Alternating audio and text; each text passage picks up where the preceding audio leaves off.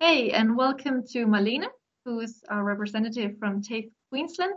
Uh, thank you for doing this Q&A session. Uh, would you mind doing a short introduction about TAFE Queensland? Hi, Kilroy, and hi, everyone. Uh, TAFE Queensland is a vocational college located in the state Queensland in Australia, and we offer diploma and certificate programs. Thanks for that.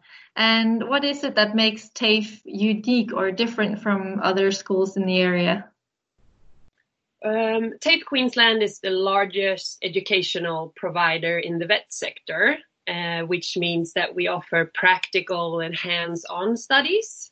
Um, what's really unique about TAFE is that you will study in small classes and you will also get to study in a facility that really looks like uh, the field you will be working with. So um, you follow a study program where you study three to four times a week. And since it's a very practical college, you will get a lot of experience in the field. So that's really unique. And what also is unique about studying at TAFE is that you can do a pathway to university which means that if you study a diploma program, mm-hmm. you can go into university and get credit for that year that you studied at TAFE, which will give you multiple qualifications when you go to Australia. So you can study a diploma and a bachelor within the same time frame as a regular bachelor. All right, thanks. And what are the advantages of studying in your location, so Gold Coast, Sunshine Coast, Brisbane? Um, TAFE Queensland actually have campuses all over Queensland, but our international students tend to choose the Sunshine Coast uh, and Gold Coast and Brisbane area. But I would also like to say that there are amazing rural options for you out all over Queensland. Uh, the best thing about studying in Queensland is the cost of living, I would say, which is the biggest reason why to choose Queensland and it's also very safe and very welcoming. The people are very warm and inclusive, and it's easy to get to become a part of the community. The climate, I would also say, it's very mm. nice in in Queensland. Uh, if you love being outdoors and you love the sun, Queensland is the perfect destination for you. And when they're not in school and they have the spare time, what do students like to do? Oh, I would say that European international students, if I take top three, what they like to do, the first thing is to travel. as soon as they have a holiday or anything like that, they usually go and travel. And uh, Queensland is a major tourist destination itself. So there's a lot of things to explore and see, like the Great Barrier Reef and Fraser Island and everything around in the state. Uh, the beaches, uh, I would say that students go to the beaches all the time. Even if they study in Brisbane, they usually travel and go to explore the beautiful beaches that we do have in Queensland. And uh, outdoor activities as well. Um, Queensland is known for their amazing climate and being outdoor and having an outdoorsy lifestyle, you know, is part of the whole experience. So I myself used to study at the Sunshine Coast and I was so impressed that, you know, um, people were out before work or before school at the beach doing fishing, going for walks, or just being there with their kids. And that's a thing that you really want to take the opportunity of when you do live in Queensland and Australia. Mm-hmm. And where do the students often live? Can they live on campus or is it something that TAFE Queensland helped them with? Well, when you study at TAFE, we don't really have any official student accommodations, but all around Queensland there are student accommodation that you can choose where to live, where students study at all kind of different institutions, which is fun because you get to get to know students from everywhere. Um, but our students tend to find their own accommodation in shared apartments, or maybe you can even rent your own apartment. It's quite easy to find housing or accommodation in Queensland. So I usually recommend our students to book a hostel or an Airbnb or anything like that for two weeks and go and search when they arrive in the area.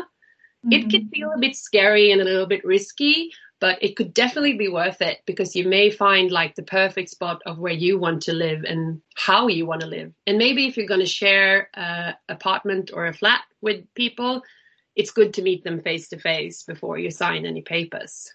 So that's usually the arrangement that they choose to do. True. Some students come to us and they're a bit worried about making friends. Uh, mm. do you have any advice for those kind of students?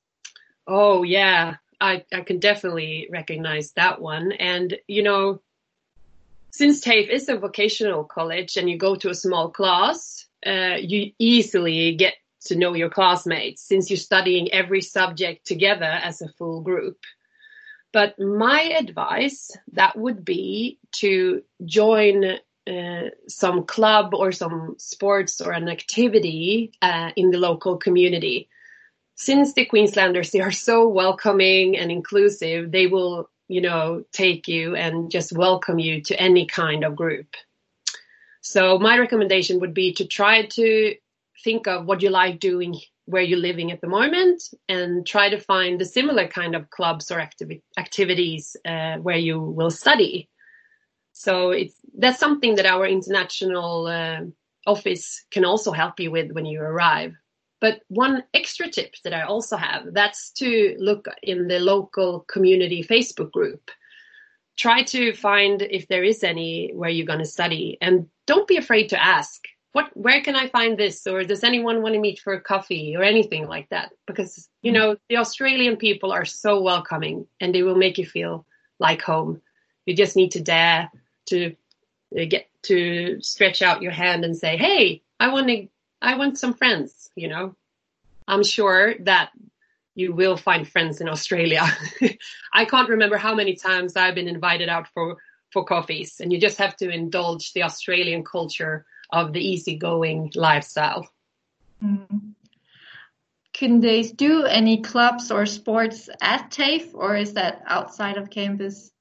Uh, yeah, as we are a vocational college, many many students, you know, get to know each other and we don't really offer any clubs or activities at our college, but you since we do have all the facilities like the students that are studying hospitality, we do have a restaurant on campus and student tends to hang out after school hours to practice or to to just learn more, uh, which makes it very welcoming as well. And also for any course you may study, there are there is some kind of um, activities that you can do outside of campus hours. And also the students tend to hang out a lot of campus anyway of hours, but we don't really have any structured clubs like that, but we do have a buddy program which you can sign up on the first day when you arrive in Australia. So you can get a international student buddy that could show you all around campus and show you all the activities that you can do. All right. So that kind of leads me to my final question. So how would a typical first week look like at TAFE uh, as a new international student? Yes. So uh, you as an international student, you will have to attend the International Orientation Day, which is a day scheduled on campus for all new international students.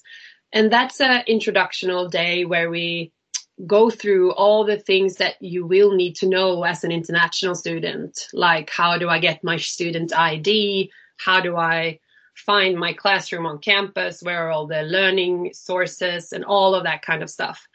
But the team also talks about the Australian culture. What's uh, maybe those um, cultural codes that you're not really aware of. We go through all of that. And we also, and you also get a great opportunity to meet the other international students to make friends, and maybe you find some classmates as well on that day.